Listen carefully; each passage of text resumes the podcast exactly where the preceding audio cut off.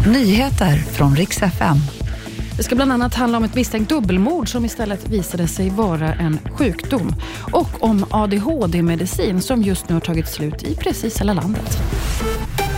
Vi ska börja med att ett äldre par hittades döda i en bostad i Åsele kommun. Det här det hände för drygt två veckor sedan och polisen startade en förundersökning om ett dubbelmord. Men nu har man gjort en rättsmedicinsk undersökning som visar att de här dödsfallen berodde istället på en sjukdom och det finns inte längre någon misstanke om brott. Läkemedlet Intuniv som används för barn och vuxna med ADHD har tagit slut i hela landet, rapporterar NSD. Ska man sluta använda den här rekommenderas gradvis att trappa ner, men man ska förstås göra sånt här tillsammans med sin läkare. Prognosen för att vaccinen finns tillbaka är i mitten av mars.